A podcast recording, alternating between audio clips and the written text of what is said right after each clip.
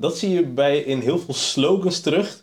Eh, echt. En dan met dat streepje op de echt. Zo Ja. van, maar wij doen dit echt. Echt, ja. Ja, en als, je dat woord met een streepje op de E eh, ertussen zet, dat jij dan in één keer wel, Ja. wel heel klantgericht bent. Ja, precies.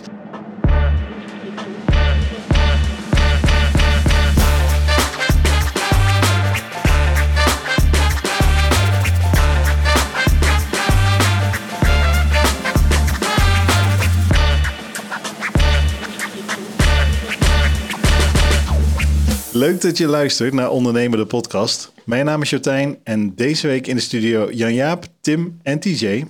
Welkom. Dankjewel Jortijn. Dankjewel. En eh, we beginnen weer met de supersnelle stellingen. Dit keer bij Tim. Ben je er klaar voor? Kom op.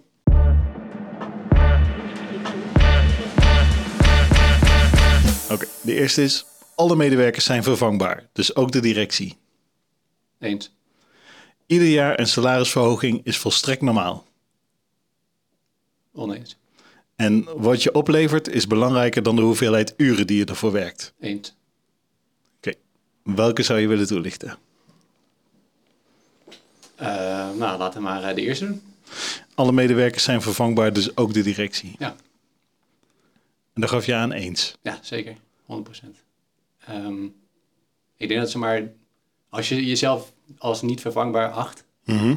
denk ik dat je opre- oprecht jezelf schromelijk overschat. Want ik denk dat zeg maar, iedereen datgene kan doen wat jij doet. Het gaat alleen om hoe je mensen traint en hoe je mensen daarop voorbereidt. En als je dat ook niet doet, ehm, ja, dan gaat het heel lastig worden. Maar dat wil niet zeggen dat jij een of andere unieke gave bezit die niemand anders kan. Dat slaat, dat slaat nergens op, denk ik. Ehm, er is natuurlijk wel een balans. hè. Ik begrijp best wel dat mensen bepaalde talent hebben en dat het heel moeilijk is om iemand te vervangen. Maar onvervangbaar, nee. Misschien ook wel afhankelijk van welke fase je als bedrijf zit. Als start-up is het vrij lastig soms als je als directie, als je ook degene bent die het bedrijf heeft opgericht, om dan jezelf te vervangen. Zeker. Ja. En het doel zou wel moeten zijn dat je allemaal vervangbaar bent. Dat is ook iets waar wij naar streven. 100%. Ja. Dus, eh, maar als je net opgestart bent, is dat toch wel heel lastig om te doen. En dan zijn wij nu zelf al iets verder, maar als je kijkt naar de eerste twee jaar, dan eh, Ja, natuurlijk. Nee, het is mega lastig. En ik denk zeker in het begin drijf je het bedrijf heel erg op zeg maar, de, de mensen die het zijn gestart. Dat is logisch. Eh, en dat zal misschien ook wel zo blijven. Dus misschien ben je de eerste paar maanden van zo'n bedrijf niet vervangbaar. Maar uiteindelijk ben je altijd vervangbaar, Ja, denk ik. oké. Maar z- zou je dan zeggen dat wij met z'n vieren nu al vervangbaar zijn? Nou, als ik Ehm, er ook over, nou- wat over mag vinden. Nee, Zeker. Nee maar eens. Maar ik vind het een goede vraag. Zou je dat... Denk je dat? Eh, ligt aan hoe je de vraag insteekt. Als je zou zeggen, als wij met z'n vieren tegelijkertijd weggaan en er komen vier nieuwe voor in de plaats, of twee nieuwe, dat maakt me niet uit, dan zou ik zeggen nee. Als een van ons vier zou afhaken, zou het heel moeilijk zijn, maar wel te doen. Maar nu al meer dan twee jaar geleden. Ja, zeker. En hopelijk over twee jaar nog meer. Zeker. Alleen, Ik ik merk nu nog dat wij persoonlijk nog heel erg de drijvende kracht achter heel veel dingetjes zijn. Hè? We hebben het eerder gehad over cultuur. Nou, dat, dat zijn we nog steeds de drijvende kracht achter sales. eh, eh, qua kennis überhaupt. Er zijn nog best wel wat pilaren binnen de organisatie die nog te veel hmm, op ons steunen. Wat mij betreft. Want uiteindelijk is het doel, en ik hoop dat we daar over twee jaar zeker wel zijn. ja. Maar voor mijn gevoel nu nog. Kijk, en heel veel hebben al een heel hoog kennisniveau, maar nog niet de werkjaren ervaring. Hè? En daar kunnen zij ook niks aan doen natuurlijk, want wij bestaan pas 2,5 jaar. Maar dat is eh, niet iets wat je zomaar kunt creëren. Hè? Dat moet door, door, door middel van langer bestaan creëer je dat uiteindelijk met elkaar en word je dus makkelijker vervangbaar. Ja. Ik vind het wel mooi om te horen dat je er dan toch wel mee bezig bent. Dus van ja, ook wij zouden sowieso vervangbaar moeten zijn. En we zijn daar nu, ik, ik hoor bijna helaas nog niet. Maar dat is Nou, wel dus iets waar Daar je zijn we ook door schade en schande wijs door geworden. Hè? Omdat je dan merkt dat je elke keer zelf iets ging doen. Terwijl je Mhm. zou, zou willen zeggen, zou, zou iemand anders dat bijvoorbeeld even op kunnen pakken. Maar dat Ja. kan dan niet. Enerzijds omdat de medewerker misschien geen tijd heeft. Of anderzijds omdat het gewoon daadwerkelijk niet kan. Omdat diegene Mhm. de kennis en kunde nog niet heeft waar hij dan weer niks aan kan doen. Ja. Mooi. En dan merk je wel met elkaar van, hé, hey, daar moeten we in de toekomst naartoe blijven werken. Ja. Oké. Ehm, dan gaan we door naar de stelling van Jan Jaap. Ben je er klaar voor? Een kerstpakket geven is niet meer van deze tijd. Oneens. Eh, stevige KPI's zorgen voor een ellebogencultuur. Oneens. En de werk-privé-balans slaat toch steeds vaker wel een beetje door. En, welk, en welke bedoeling? Gewoon de, de andere kant op. Dus dat privé soms steeds belangrijker lijkt te worden dan werk. Nou, Ja. het- Je wil eens zeggen. ja, Maar ik zeg eens dan. Oké, nou dan gaan we dus sowieso die laatste be- eh, behandelen. Wil je de laatste behandelen? Ja, weet ik niet. De- de- de- laat ik eerst de vraag stellen, welke zou jij graag willen behandelen? Kan ik nu nog onder de derde uit? Nee, we knippen niet in deze podcast. ik weet de andere twee niet eens meer. Kerstpakket die eerste, en, eh, ja, kerstpakket is niet meer van deze tijd. En stevige KPI's zorgen voor een elleboogcultuur. ja, laten we de derde dan maar doen. Hè? Ja, oké. dus de werk-privé-balans staat steeds vaker wel een beetje door. Dus met andere woorden, het wordt allemaal wel... Privé wordt wel heel belangrijk. Ja, ik zei hier net eens, maar kijk, down the line is privé natuurlijk ook tien keer belangrijker dan je werk.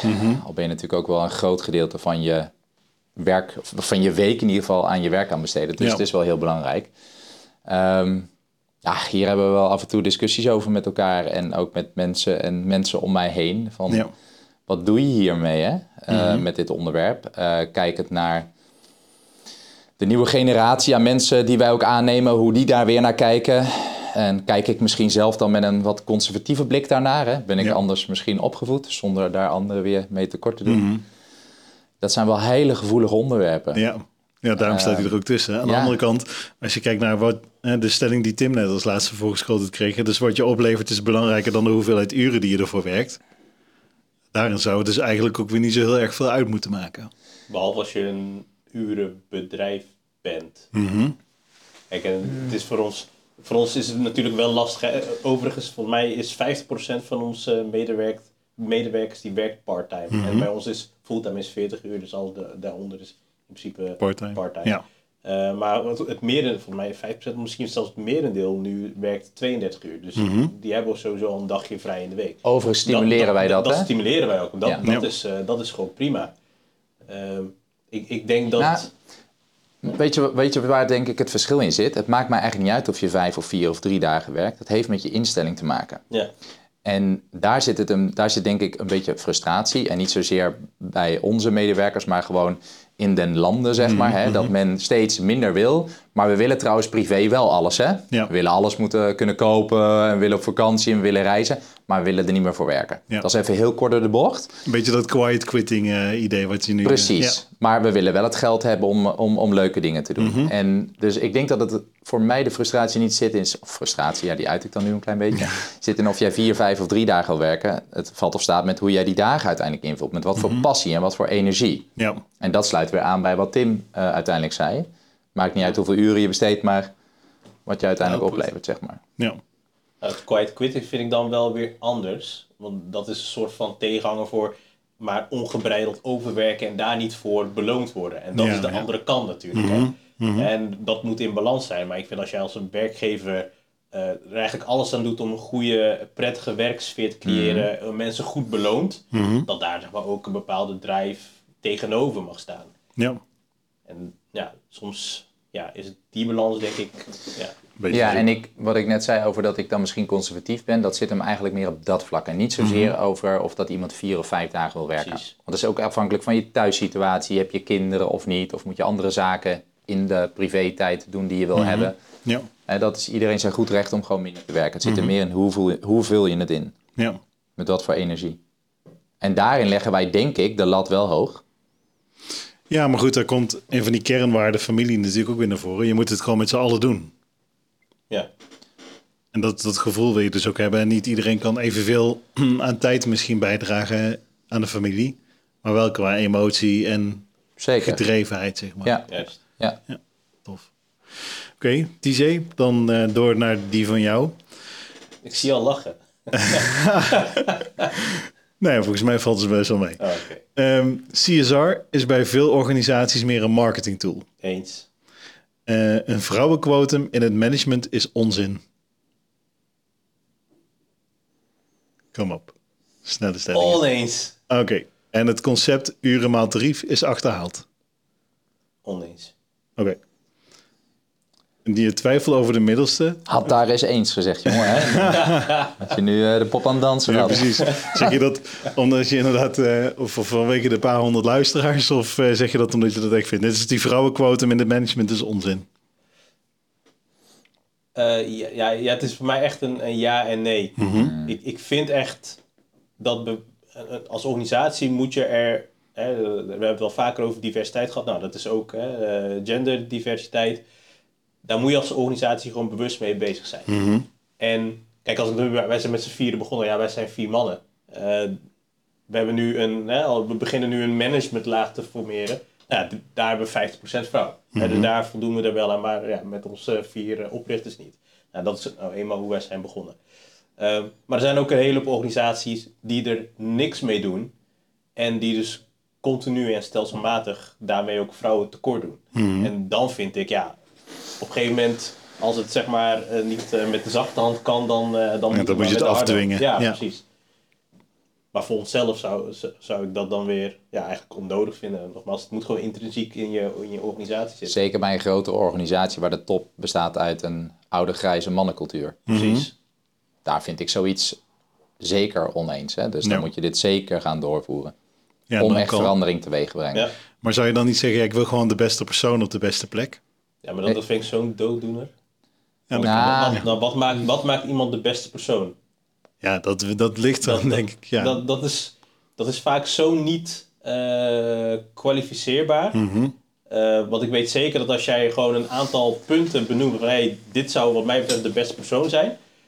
En je zou, mannen, en je zou zoeken, zou je zowel een man en een vrouw vinden. Ja, en dan gaat het op allemaal op zeg maar subjectieve eh, andere randzaken ga je dan een besluit nemen. Ik denk dat je door zo'n quotum juist ook gaat kijken naar wie echt de beste persoon is.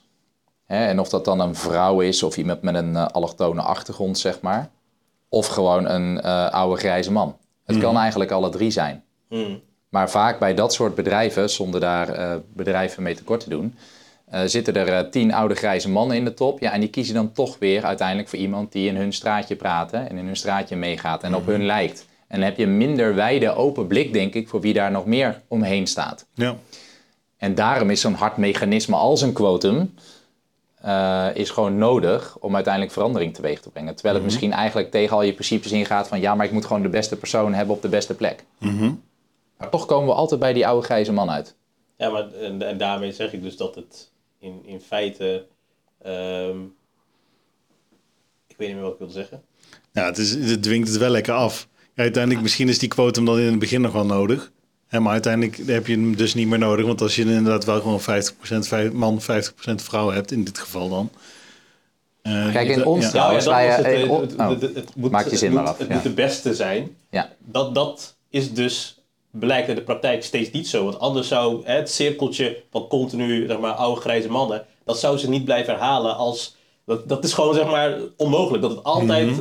Dat, dat dan toevallig ook de beste is. de beste Ja. is. Dat, dat, dat is niet zo. Dus dat betekent dat er gewoon heel veel subjectiviteit aan ten grondslag ligt. zeker. Tim, je de bent enorm aan nadenken. Nou, kijk, ja, ik ik begrijp jullie punten, maar, maar ik denk wel oprecht maar, dit het maskeren van, van een probleem is.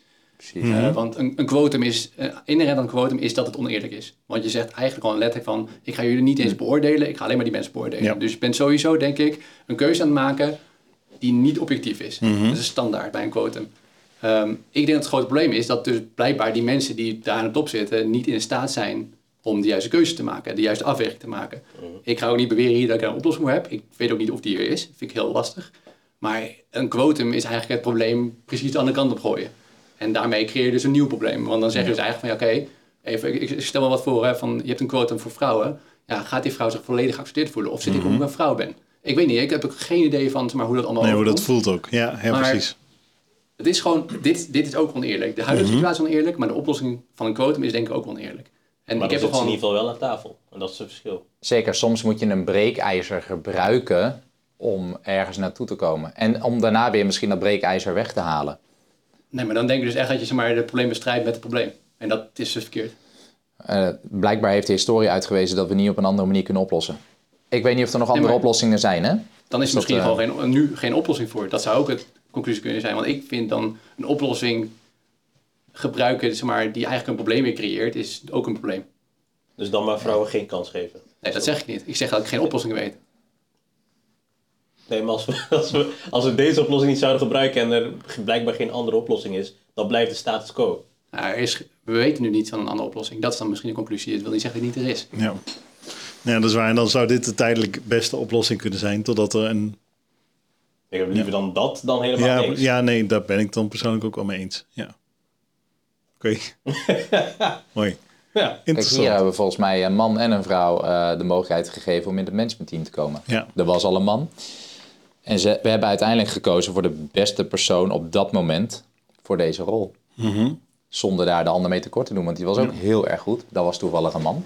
Ja. En we hebben gekozen voor een vrouw. Maar Ja. niet zozeer omdat zij een vrouw was. Kijk, uiteindelijk komt het achteraf misschien ook goed uit. Omdat je dan meteen 50% vrouw hebt. Maar dat was zeker niet onze insteek. Nee. Nou, laten we maar afronden, want anders zijn we misschien wat lang met de stellingen bezig. maar ehm, ja, TJ, jij hebt al een keer gezegd, eh, misschien moet het wat meer gaan knetteren.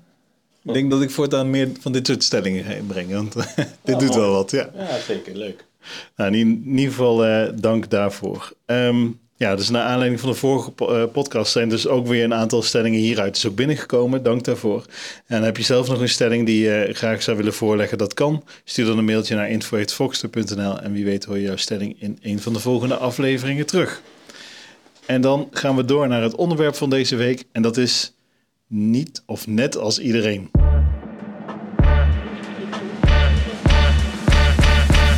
Ja, die aflevering gaat dus over het onderscheiden, jezelf onderscheiden als organisatie voor je potentiële en bestaande klanten en medewerkers. En dus je kunt hem eigenlijk dubbel lezen, net als iedereen of niet als iedereen. Want ja, in een branche waarin veel concurrentie is, moet je natuurlijk extra op zoek zijn naar jouw onderscheidend vermogen. eh, omdat je aantrekkelijk wil worden of blijven voor klanten en medewerkers. Eh, dus eigenlijk is de vraag, onderneem je net als iedereen of onderneem je juist niet als iedereen? Dus hoe ontdek je jouw onderscheidend vermogen? Nou, ik ben wel benieuwd. Hè. In Foxter is gestart als consultancybureau eh, op het gebied van AVAS consultancy. Ja, dat was eigenlijk gewoon de eerste kern natuurlijk, om maar heel even plat te slaan. Ehm, ik heb even een stukje onderzocht. Er zijn op dit moment 104 concurrenten. Tenminste, die echt worden erkend als AVAS. In de vorm van een, van een bureau. Hè, dus een extern eh, consultancy expert, zeg maar, of een, of een partner. Eh, dus ja, eigenlijk zou je zeggen dat er keuze genoeg is voor de prospect. om, eh, 104. Ja, 104. ja. Dus data van, eh, even kijken, we nemen nu deze podcast op onze 24 oktober. slotanalyse niet helemaal goed gedaan. Ja. Zie je marketeer doet het wel, prima. Ehm, maar ja, er zit... is wel gedaan waar we nooit begonnen. Nee. nou, dat is dus misschien wel eigenlijk goed voor de eerste vraag. Wat dachten jullie dus dat anders zou moeten? Ja, of dacht je misschien wel, ja, er is geen concurrent, dus huppatee, gaan met die banaan. Nou ja, je, je bent natuurlijk Fox er wel met een bepaald beeld gestart. Dus van ja, oké, er zijn er nu al, en misschien toen niet 104, maar misschien toen 80, zeg maar, ex- externe partners, experts. Ehm, ja, er, kan, er, er, er is ruimte voor eentje meer, want ja, dat gevoel moet je hebben gehad, anders ga je niet met z'n vieren beginnen. Wat, wat vond je echt dat anders zou moeten in dat landschap? Heel veel. Nou, begin eens bij. Oh, dat dat gaat los. Nou, ja, kijk, Nee, zonder daar een ander mee tekort te doen? Precies, nee, nee, 100%. Want, maar het is, het is puur gezond op mijn ervaring. Zeg maar, Mhm. wat, wat, wat ik vond dat het anders of beter moest. Dus het kan best zijn dat iemand met een ander perspectief daar heel anders op, op, ah, op neerkijkt. Ja. Eh, maar eh, ik heb natuurlijk jarenlang consultancy gedaan bij AVAS. Mhm. En vanuit die consultancyrol bij AVAS vond ik dat heel erg opvallend. Dat ik mijn collega aansprak met, zeg maar, wij gaan het fixen en wij gaan Mhm. het regelen. En als ik met een partner samenwerkte, dan was het echt zo van, ja, AVAS gaat het regelen of de partner gaat het regelen. Ja. Ehm, en dat was eigenlijk wel dus maar constante strekking. En dan kwam ik vaak op neer, zeg maar, dat als iets fout ging, dat het dan was, ja, jullie hebben het fout gedaan of wij hebben het fout gedaan. Mhm. Terwijl ik dan gewoon vind van, ja, weet je, nee, kijk, eh, je bent een AVAS-partner. Een deel van jouw bestaan is gebaseerd op het feit dat je AVAS-partner bent. Mhm. Dus gedraag je dan ook als een partner. Ja. Eh, kijk, naar, kijk naar een huwelijk. Dan ga je ook niet zeggen van, ja, dat heeft mijn vrouw gedaan. Dat is helemaal verkeerd gegaan. Of dat heeft mijn man gedaan. Of, Nou, Ja. soms wel. Kan, maar je zou als Jij bent goed zeker nog niet eenheid acteren zeg maar, naar, naar de buitenwereld toe. ja, ja, Ehm, precies. dat is in ieder geval mijn beeld ervan, laat ik zo zeggen. Ja. Ehm, en dat zou ik ook dus hier willen zien. Van oké, laten we gewoon zeggen, als ik bij een klant zit als AFAS-partner... Mhm. eh, en de klant vindt dat AFAS het niet goed doet, dan doe ik het niet goed. En dat het dan toevallig bij AFAS ligt, ja, dat is mijn pakje aan. Dat is ja, niet voor de klant. jij bent, ja, jullie zijn samen om de klant te helpen. Ja, en Dus- nogmaals, Mhm. dit is echt mijn ervaring vanuit de AFAS consultancyrol waar het me gewoon echt stak, zeg maar. Ja. En ik dacht van, kijk, ik, ik heb jarenlang bij gewerkt, ik kan Mhm. dit anders doen. Eh, En dat was voor mij een drijfveer. Ja, precies. Ja, dus echt gewoon, ja, dan zou jouw, idee zijn om het anders te doen dan een concurrent. Gewoon samen met, in dit geval de leverancier, optrekken om het beste te hebben voor de klant. In plaats van vingertje wijzen. Ja. En eigenlijk moet het dan niet eigenlijk merken partner. Nee, nee, precies. Ja. Oké, maar voordat Tim losging... En was dat een naïeve gedachte of eh, Eh, voorafgaand? Nou, ik denk dat ze maar het wat ongenuanceerd was misschien. Mhm. In de zin dat maar er zat partners zijn die op, op zekere moment dat supergoed doen. Eh, dus het is echt niet zo zwart-wit dat geen enkele partner dat doet. Eh, en en dat, dat merk je nu wel.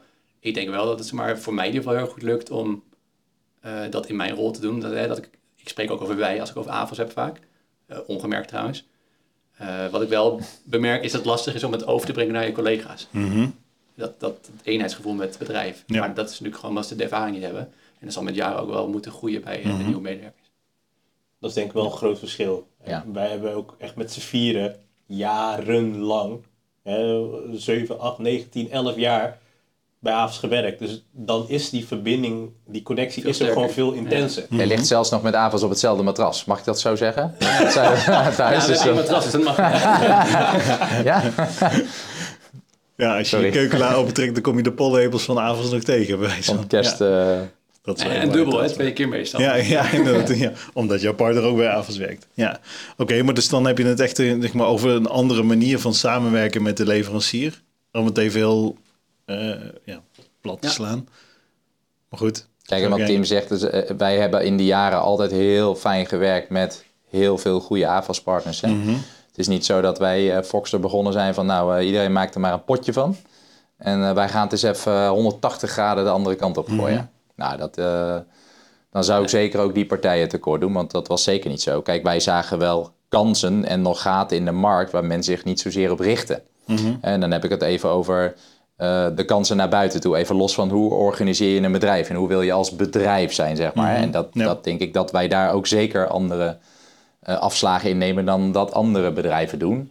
Los van dat we niet bij iedereen in de keuken kunnen kijken natuurlijk in Nee. detail. Hè, maar dat is even gebaseerd op gevoel en ervaring die wij hebben. Ja, Ehm, maar zeg maar naar buiten toe, hè, de kansen die wij zagen als in de positionering die wij nu in- innemen in de grootzakelijke markt onder andere.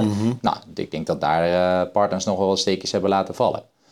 Ook helemaal niet erg. En die maakten vaak ook een andere keuze of een andere positionering in hun netwerk. Dus dat is ook helemaal goed. Maar daar zagen wij nog eh, voldoende ruimte om in te springen. ja. Ja. Je kunt natuurlijk ook niet alles, of je kunt niet overal goed in zijn. Nee, En wij nee, hebben precies. gekozen voor, wij willen goed zijn in grote complexe organisaties. Mhm. En wij willen verder gaan dan alleen avondconsultie. hè. We Ja. willen ook goede projectmanagement leveren, wat Ja. ook nodig is vaak bij grote organisaties. We willen het change aspect, wat ook Mhm. zeg maar, bij grote complexe organisaties belangrijk is, willen we ook meenemen. Ja. En dat als het ware als een totaalpakket. En dat was eh, in ieder geval toen wij startten sowieso eh, nog, nog niet eh, heel erg aanwezig in, in de avondsmarkt. Nee, nee, precies. Kijk, het was ons niet opgevallen. Mhm. Nee, en inmiddels is het portfolio natuurlijk uitgebreid. Wat ik riep in het begin wel avondsconsultie, maar inmiddels heb je ook business consultie. Inderdaad, en projectmanagement en verandermanagement. Ehm, ja, dus je merkt inderdaad dat wel. Is dat ook wel iets wat je vanaf het begin af aan echt duidelijk zeg maar, al mee hebt verkocht? Of was het gewoon makkelijk omdat, omdat avondsconsultie Nee, lager we willen proberen verkopen. Ja. Daar zit het hem wel vaak in. Mhm. Was het lastig dan? Zeker. Ja, Waarom? zeker.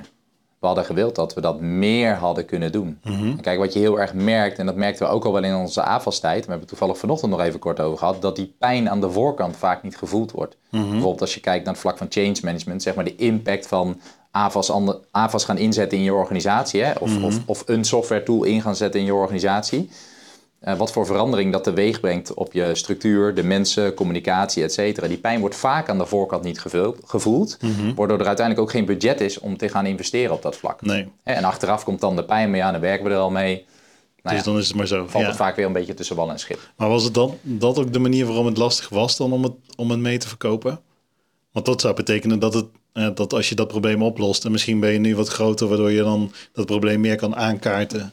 Zeker. Hè? Dus ehm, eh, dat is wel een van onze speerpunten voor de toekomst weer. Kijk, in de afgelopen jaren hebben we natuurlijk ook een keuze moeten maken. Hey, hier blijven we ons wel op richten, maar we moeten ook leven, zeg maar. En we Ja. moeten ook bestaan en we moeten groeien, et cetera.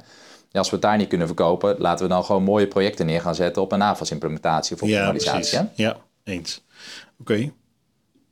Duidelijk. En- is overigens wel, als we dan, we zijn op dit moment nog midden in een, nou ja, toch wel een project, waarbij we en een een stuk implementatie doen en gewoon een compleet nieuwe afdeling opzetten met, eh, met het bedrijf. Ja. Ja, dat is, dan, dan zie je echt, zeg maar, hey, onze visie, hey, in de praktijk, het werkt ook gewoon. En het is ook gewoon super tof om te doen. En iedereen die ook bij dat project betrokken is, vindt het gewoon hartstikke vet. Ja. Omdat het gewoon echt verder gaat dan alleen we richten de software voor je. Nee, Mhm. we, we helpen gewoon echt je complete bedrijfsvoering op een andere manier inrichten. Ja. En dat is echt, ja. Ja, precies. Dus het is niet dat we het niet doen. Hè. We hebben een aantal hele mooie projecten over de jaren heen al gedaan. Mhm. Maar we hadden misschien al wel gewild dat dit 50% van onze business zou zijn. Ja. Ja, En het is 5% bijvoorbeeld. Mhm. Hè, dus die verhouding, zo scheef is het nog. Ja.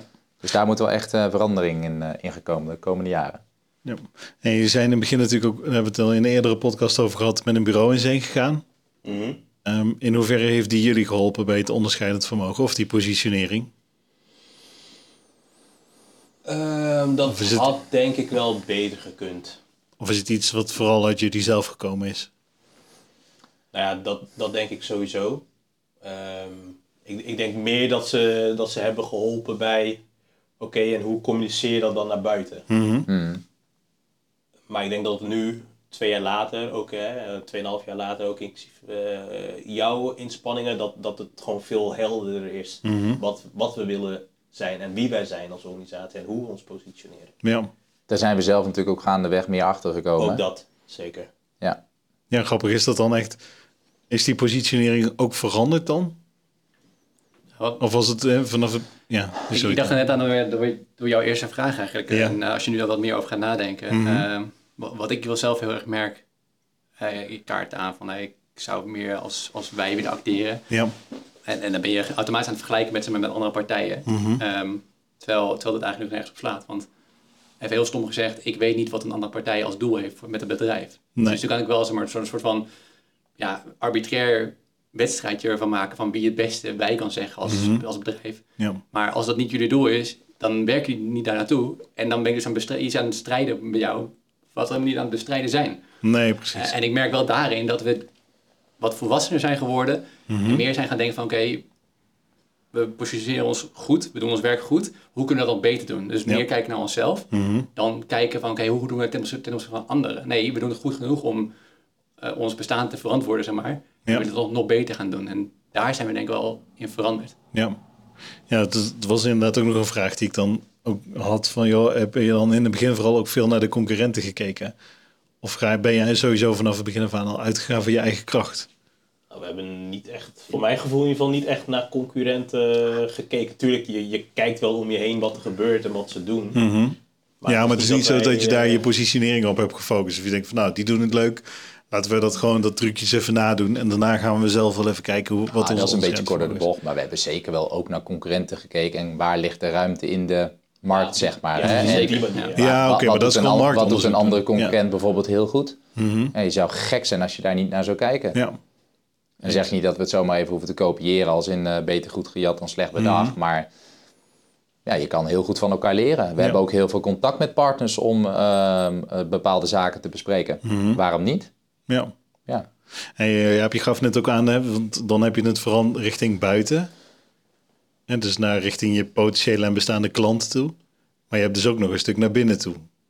En ja, vooral dat vind ik lastig om te bepalen hoe andere bedrijven daarmee omgaan. Ja, Had ja oké, maar goed. Vraag? Sorry, want ik Ja, nee, jou. eens. Dat is op zich wel goed om daar te beginnen. Maar dan is het in- interessant om te kijken van... Hey, hoe heb je daar gewoon je onderscheidend vermogen in proberen te vinden? Nou, vooral, vooral daar vind ik het dus lastig om, Mhm. om te bepalen waarin wij onderscheidend zijn ten opzichte van een ander. Ja, En daar heb ik denk, heb, kijken we denk ik juist heel erg naar wat zouden we graag zelf willen zijn. Ja, Even zonder beperkingen, zeg Ja, maar. hè. Maar wat zou je dan zelf anders willen Want doen? ik weet echt niet hoe, eh, hoe bij een partner hier om de hoek eh, echt met mensen omgegaan wordt eh, in de lijn uiteindelijk. Hoe daar het gevoel is, hoe de echte cultuur is. Los van dat ik er misschien al tien keer over de vloer ben geweest. ja, precies. Maar je hebt bedrijven genoeg in Nederland gezien in je carrière. Nee, ik weet wel hoe ik niet zou willen zijn bij Ja. andere bedrijven Ja, waar precies. ik geweest ben. Ja. Dus, en en we, zijn, we hebben natuurlijk ook zelf een hele leuke, goede opvoeding gehad bij onze, zelf, onze eigen werkgever. Dus daar hebben we gewoon geprobeerd eigenlijk de kraaltjes uit te halen Mhm. met ons eigen sausje erover. En ook kijken, nou oké, wat misten wij daar nou? Of wat waren nou juist de goede elementen? En wat kunnen we daar uithalen? En wat gaat voor ons werken? Ja. En ook gaandeweg zijn wij daarin denk ik nog wel weer linksaf of rechtsaf gegaan. Omdat we dan toch dachten van, nou, hm, misschien is dit niet zoals we het ooit bedacht hadden. Mhm. En moeten we er een ander sausje over gooien. Ja. Maar daar, daarin hebben we volgens mij, en correct me if I'm wrong, heel erg naar onszelf gekeken. Wat, wat vinden wij fijn? Hè, wat, vinden wij, wat voor bedrijf willen wij zijn van binnen echt? Ja. Ja, zeker. Absoluut. Ja, tof. Dat is ook wel mooi, dat je gewoon, en en misschien ook wel dan gewoon naar je persoon kijkt, van hoe graag, hoe zou ik behandeld willen worden als in dit geval medewerker? Zeker, ja. En ook daarin eh, zijn we dagelijks eh, lerend. Ja, Dat eh Ja, maar dat met vallen en opstaan ook. Dan denk je dat je het goed doet, maar ja. Ja. nee, dan kom je er toch achter dat dingen soms anders werken. Ja. Dat is niet vervelend, want ja, uiteindelijk misschien word je soms ook gewoon wel ingehaald door de tijd of zo, toch? ook. ook Ja. Eens. Eh, mooi. Ehm, zou je, heb je dan nog tips of, of lessen die je geleerd hebt op basis van je positionering om dingen anders te doen dan je concurrent die je aan de luisteraars zou willen meegeven? Ik moet eh, meteen denken aan, eh, aan Jos Burgers. Mhm. Die, die vertelde ooit een, ver- een verhaal over koeien die in een weiland staan. Ja, Eh, volgens mij was het dat er eh, al, al die koeien, als ze heel veel koeien bij elkaar gaan staan Klopt. en maar een beetje hetzelfde doen, komt er Ja. heel veel shit op. Hè? Dan Ja. kom je in een berg shit te staan. ja, Eh, en zoek Ja. jouw plekje in het weiland wat, eh, wat, wat zeg maar nog beschikbaar is, wat open is. En dat Ja. is uiteindelijk ook een beetje hè, wat de positionering is. Ik kon me ook herinneren, ik weet, ik weet niet of het dan een echt verhaal was, omdat hij, of, of dat het een, Gewoon een sterke anekdote. Een, een hele sterke anekdote was. Maar hij vertelde iets over een schilder die alleen maar schilderde v- vanaf de eerste verdieping. Mhm. Ja, dus hè, begane grond deed hij niet. Omdat eh, mensen vonden hem vaak duur. Ze zeiden, nou doe jij de begane grond en dan doe ik de eerste en tweede verdieping wel. En dan zagen die klanten het verschil. En dachten ze, oh ja, doe toch ook nog maar die begane ja, grond. ja. Hè, gewoon denk na over wat is, jouw, wat is jouw kracht? Ja. Hoe maak jij het verschil? En, ja dat, dat, ja, en eens. ga dus niet gewoon maar blind doen wat eh, tien mensen of tien organisaties voor jou hebben gedaan. Mhm. Ja, maar dat is ook uiteindelijk hoe je bedrijven positioneert. Je gaat gewoon kijken naar de grootste angst van je, van je klant en naar de grootste wens van je klant. En daar ga je tussenin zitten en dat wordt jouw positionering. En bij Voxter hebben we die, ja, Klinkt alsof je er verstand van Klein, hebt. het is net alsof marketing gewoon een vak is of zo, ja. ja dat is, eh, met, met is dat natuurlijk ook zo. Dat, daar is de positionering uiteindelijk gekozen voor eenvoud. Ja. En want het is, AFAS kan alles, maar het is daardoor ook super complex geworden. En hoe kunnen we ervoor zorgen dat het eenvoudig is voor jezelf en meerwaarde heeft voor het bedrijf waarin je werkt. Absoluut. En dat is hetzelfde geldt voor die schilder inderdaad ook. Ik ken het voorbeeld overigens iets anders. Dat was dan een schilder die overigens altijd bewust de radio uitliet. Want wij zijn de stille, ja. stille schilders. Dat dat dan je onderscheidend vermogen is ten opzichte van een concurrent. Ja, Ja, grappig. Zie je, ook als schilder kun je op eh, tientallen manieren Ja. onderscheiden. inderdaad. Niet alleen door het merkverf wat je gebruikt. Precies. Ik denk trouwens overigens, maar dat is meer terzijde, dat tegenwoordig als schilder je afspraken nakomen of überhaupt een baan. Hier zit een enorm stuk persoonlijke frustratie in. Ja, ja, Gewoon Wil je er straks nog even over praten? Ja, ja, precies. Als je alleen als slogan, wij komen onze afspraken na, komma, maar echt. Zeg maar dat dat al een enorm onderscheidsvermogen is in, eh, in die branche tegenwoordig. Eh, Dat valt me trouwens wel op Mhm. In het kader van onderscheidend vermogen. En ik maak aanhalingstekens met ja, vingers. ja, ja. Eh, dat, zie je, dat zie je bij in heel veel slogans terug. Eh, echt. En dan met dat streepje op de echt. Zo Ja. van, maar wij doen dit echt. Echt, ja. Ja, en als, je dat woord met een streepje op de E eh, ertussen zet, dat jij dan in één keer wel, wel heel klantgericht bent. Ja, precies. Ik- Nou, het is wel zelfs zo erg, maar het wordt dan een beetje persoonlijk. Maar afgelopen weekend heb ik dus ook een leverancier gebeld. Eh, die de gordijnen in mijn nieuwe huis komt, eh, komt leveren. Met de vraag van, joh, heb je ze daadwerkelijk wel besteld? Want ik heb die offerte wel ondertekend, maar ik ben er niet 100% zeker van. En die vrouw aan de telefoon was echt beledigd. Ze zei, ja, hoezo? Ik zei, nou, als ik tegenwoordig gewoon een, überhaupt een container voor bouwafval wil bestellen, de volgende dag komen ze hem al niet brengen. Dus hè, maar die vrouw, die was, die, daar zat dus klantenservice wel echt gewoon Ja. schijnbaar goed. Eh, die was dus echt beledigd dat ik erom vroeg van, joh, hoe zit het ermee? Want heb je ze wel daadwerkelijk besteld? Ja. Soms is gewoon een beetje dat under promise over deliver, weet je wel. Dat, dat was eerst, maar tegenwoordig gewoon de afspraken nakomen. Dan eh, kun je een beetje onderscheiden van, ten opzichte van de rest. Helaas. ja, mooi. Hebben wij genoeg tips gegeven? Weet ik eigenlijk niet. Nou, volgens mij was het er Nou, maar, eh, was het er maar één. één. Ja, de weiland met de koeien. En het is, het ja, is dat is natuurlijk je overigens- positionering naar buiten toe. Hè? Ja, ik denk voor je interne organisatie luister gewoon heel goed naar je eigen gevoel en waar, Mhm. waar je voor wil staan. Ja. En wij hebben dat natuurlijk ook met onze kernwaarden, in onze kernwaarden ondergebracht. En probeer daar ook steeds weer naartoe te grijpen. Als je een keuze maakt, misschien past dat dan ook binnen die kernwaarden. Ja. Past dit telkens binnen het bedrijf wat wij willen zijn. Ja. Wat wij, hè, wij als in iedereen, Foxter, Mhm. willen uitstralen. Oké, maar stel dat er dan uit de medewerkers iets anders komt dan wat jij als of wat jullie als directie zouden willen uitstralen. Eh, Blijf je dan vast- Ja, nee, maar dit is ik, Nee, ja, ik maar, weet niet, ik eh, stel het, maar, dus- maar ik vind het ook echt oprecht. Ik wil hier wel echt het antwoord Eh, op je weten. moet altijd open blijven staan voor feedback. En als Mhm. er eh, een soort. als er feedback komt vanuit de, vanuit de medewerkers. die eensgezind is, zeg maar. Ja, Mhm. misschien zitten we daar niet met elkaar op de goede weg. Of misschien hebben wij het verkeerd gezien. Of Ja, misschien maar dan zou je dus wel willen, gecreëerd. dan zou je wel willen buigen. Dan wil je je, je sterke ruggengraat eh Ah, willen buigen, dat, dat- dat is een moet, tweede. moeten Maar buigen. Ja, nee. misschien, soms moet je ook een beetje mee bewegen. Hè? Mhm. Eh, want uiteindelijk wil je een mooi bedrijf zijn.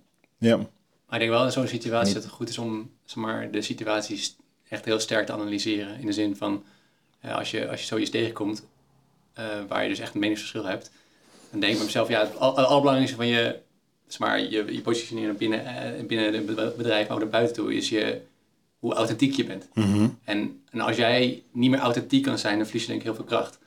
Eh, sowieso in je, in je marketing, maar ook naar binnen toe, als je niet meer echt achter het verhaal kan staan. Mhm. Uh, dus als er nou een situatie is waar, waar je een ja, meningsverschil hebt met de medewerkers, zou je ook kunnen concluderen van, hey, doe ik het dan wel goed met mijn recruitment als voorbeeld? Of doe ik op andere vlakken het helemaal Hmm, verkeerd? zeker. Dat kan ook natuurlijk het geval zijn, want zodra ik niet achter een keuze kan staan, zou ik de keuze liever niet maken. Sterker nog, ik zou hem denk ik niet eens maken. En dan liever een rechte rug en er maar achter komen dat we iets fout hebben gedaan en het daar oplossen. In plaats van dan te zeggen, oké, nou, eh, vooruit voor deze ene keer. Dan komt toch het punt van die stellingen weer naar boven. Het gelijk, we denken aan de vrouwenquote. Maar dat is meer de Tim, de analytische eh, gast die er dan even tussen zit. Ja, je hebt op zich wel gewoon een punt. Ja, kijk, je, hebt, je bent het uiteindelijk niet voor niks gestart natuurlijk. En daar moet een, Er, er zit een, Een gevoel beeld. achter. Er Ja, zit een- precies. een- een idee. Ja. Er zit echt een Ja. idee achter. Mhm. En, en daarom ook dat weer teruggrijpend naar dat zijn we al vervangbaar. Eh, ik weet nog niet of zeg maar onze hele, dat klinkt misschien heel groot, maar ons hele gedachtegoed, of dat al is geland. En soms kunnen wij dus een besluit nemen vanuit een bepaald gedachtegoed, Mhm. waar iemand het dan misschien niet mee eens is. Maar de vraag is, eh, ben je het niet eens omdat je het gedachtegoed niet snapt? Of ben je het misschien niet eens omdat het bijvoorbeeld nadelig is voor jou als persoon, als Mhm. individu? Ja. En ik, ik durf in ieder geval in ons vieren wel echt te zeggen... Het, het gaat zeg maar niet om ons vieren. Het gaat om het bedrijf. Foxter is, Mhm. is, is zeg maar... Gewoon nu iets op zichzelf. op zichzelf. Ja. ja. Wij doen zeg maar ons uiterste best om daar iets heel moois van te Mhm. maken. En ja, ik, ik, ik denk echt dat, nog, dat het nog niet zo is dat alle medewerkers in staat zijn... om ons complete gedachtegoed van het, het kindje Precies. Foxter... eh, om dat ook zeg maar zelf al helemaal... eh, We hebben één gezamenlijk doel met elkaar. En ik hoop dat iedereen dat blijft inzien. Juist. En dat kan er best af en toe toe leiden dat je soms persoonlijk wat pijn hebt. Dat, Mhm. en dat ervaar ik zelf ook. Ik vind ook niet altijd alle keuzes leuk die we maken. Nee. Oké, soms is het even slikken en weer doorgaan. Dat is denk ik wel Ja. inderdaad de kern wat je zegt. Van, ehm, ja, we hebben, zeg maar, we, we hebben, we, hebben, een- we hebben een doel voor ogen met z'n allen, maar ehm, zien mensen wel hetzelfde als wat wij zien? En dan is het antwoord vaak nu nog nee. Mhm. En is heel, heel simpel gezegd, er is geen waarheid. Het is alleen maar hoe jij de feiten of de dingen die gebeuren ziet. Ja. En ik denk dat jij gelijk hebt in het feit dat wij dingen kunnen zien op een bepaalde manier, eh, zonder daar een context aan te hangen voor de anderen, waardoor zij dus anders zien en het dus met ons oneens zijn, of andersom natuurlijk. Ja. Eh, en dat is echt de kern van die context is zo belangrijk. En niemand heeft ongelijk, maar iemand ziet het anders. Ja. Ja. Ja, en ergens is het natuurlijk ook logisch, hè? want je bent uiteindelijk pas 2,5 jaar bezig. Precies. En, en net zoals afgelopen maand komen er zo in één keer zes nieuwe collega's bij. Ja, dan, gaat het zo, dan is het lastig om, zeker, dan heb je nog niet een, het meubilair of de gevestigde orde die dat helemaal kan uitdragen. Want zoveel mensen zijn dat überhaupt gewoon nog niet. Eens. Ja. Zes man erbij is zeg maar gewoon ruim een derde nieuw van je organisatie. Dus ja, en kijk, uiteindelijk, je kunt het natuurlijk ook gewoon oplossen met communicatie. Dus gewoon ervoor te zorgen dat je hè, daar veel over communiceert en je visie. En net zoals wat wij dan doen op de groeidagen, gewoon presenteert van hé, hey, dit is waar we naartoe willen. Het is zo makkelijk Ja. om het op te lossen met communicatie, maar ook zo moeilijk om het op te Ja. lossen met een goede communicatie. Want vanochtend hebben we ook weer feedback gekregen vanuit een medewerker, waarin wij dachten dat we vrij duidelijk waren over een bepaald beleid, zeg maar, wat we ergens op hebben. En nou ja, hij of zij gaf toch even terug dat bepaalde medewerkers daar anders over nadachten. Oké, Ja. ehm, misschien hebben we dan eh, onze communicatie niet helemaal goed gedaan. Waarin wij de veronderstelling hadden dat we dat wel goed hadden gedaan. Ja. Grappig. Ja, dat is denk ik wel een heel... Maakt het zo moeilijk. Ja, eens. ja, misschien moeten we daar toch ook gewoon een keer over communicatie gewoon daar een podcast over, eh, over eh, Dan maken. moet jij hier komen zitten. Ja, en dan draaien we gewoon een rol een keer om. Ja. Spannend. Tof. Eh, ja, we zitten, ik kijk even op de klok, inmiddels ook alweer ruim over het half uur heen. Of sterker nog, we tikken ook bijna de 40 minuten aan. aan dus eh, dus, iedere keer is het Ja, gevoel van, lijkt nu al? Ja, Zullen we zeker. gewoon voortaan inzetten op gewoon 35 minuten? Ja, dan wordt gewoon vijf uur. Nou, heeft er iemand nog wel leuks te vertellen? Want we hebben nog vijf minuten te gaan. Nee, Dat is perfect. Als je lekker drie kwartier gaat hardlopen of zo, Ja, dan vult precies. het Dan heb je- de tijd. Nog even dat geneuzel aan het einde. Maar dan is bij deze wel de podcast afgelopen. nou, dankjewel dat je hebt geluisterd naar die vijfde aflevering van de Ondernemende Podcast. Heb je dus zelf een onderwerp of stelling die je graag terug wil horen in de podcast? Stuur dan een e-mailtje naar info.foxter.nl. En wie weet hoor je jouw onderwerp of stelling dan terug. Vind je deze podcast leuk? Beoordeel ons dan in jouw favoriete podcast app. En abonneer je natuurlijk om geen enkele aflevering meer te missen. Jan Jaap, Tim, DJ bedankt. Jortijn, Dankjewel Jotijn. Dankjewel. En eh, jij bedankt voor het luisteren en graag tot de volgende keer.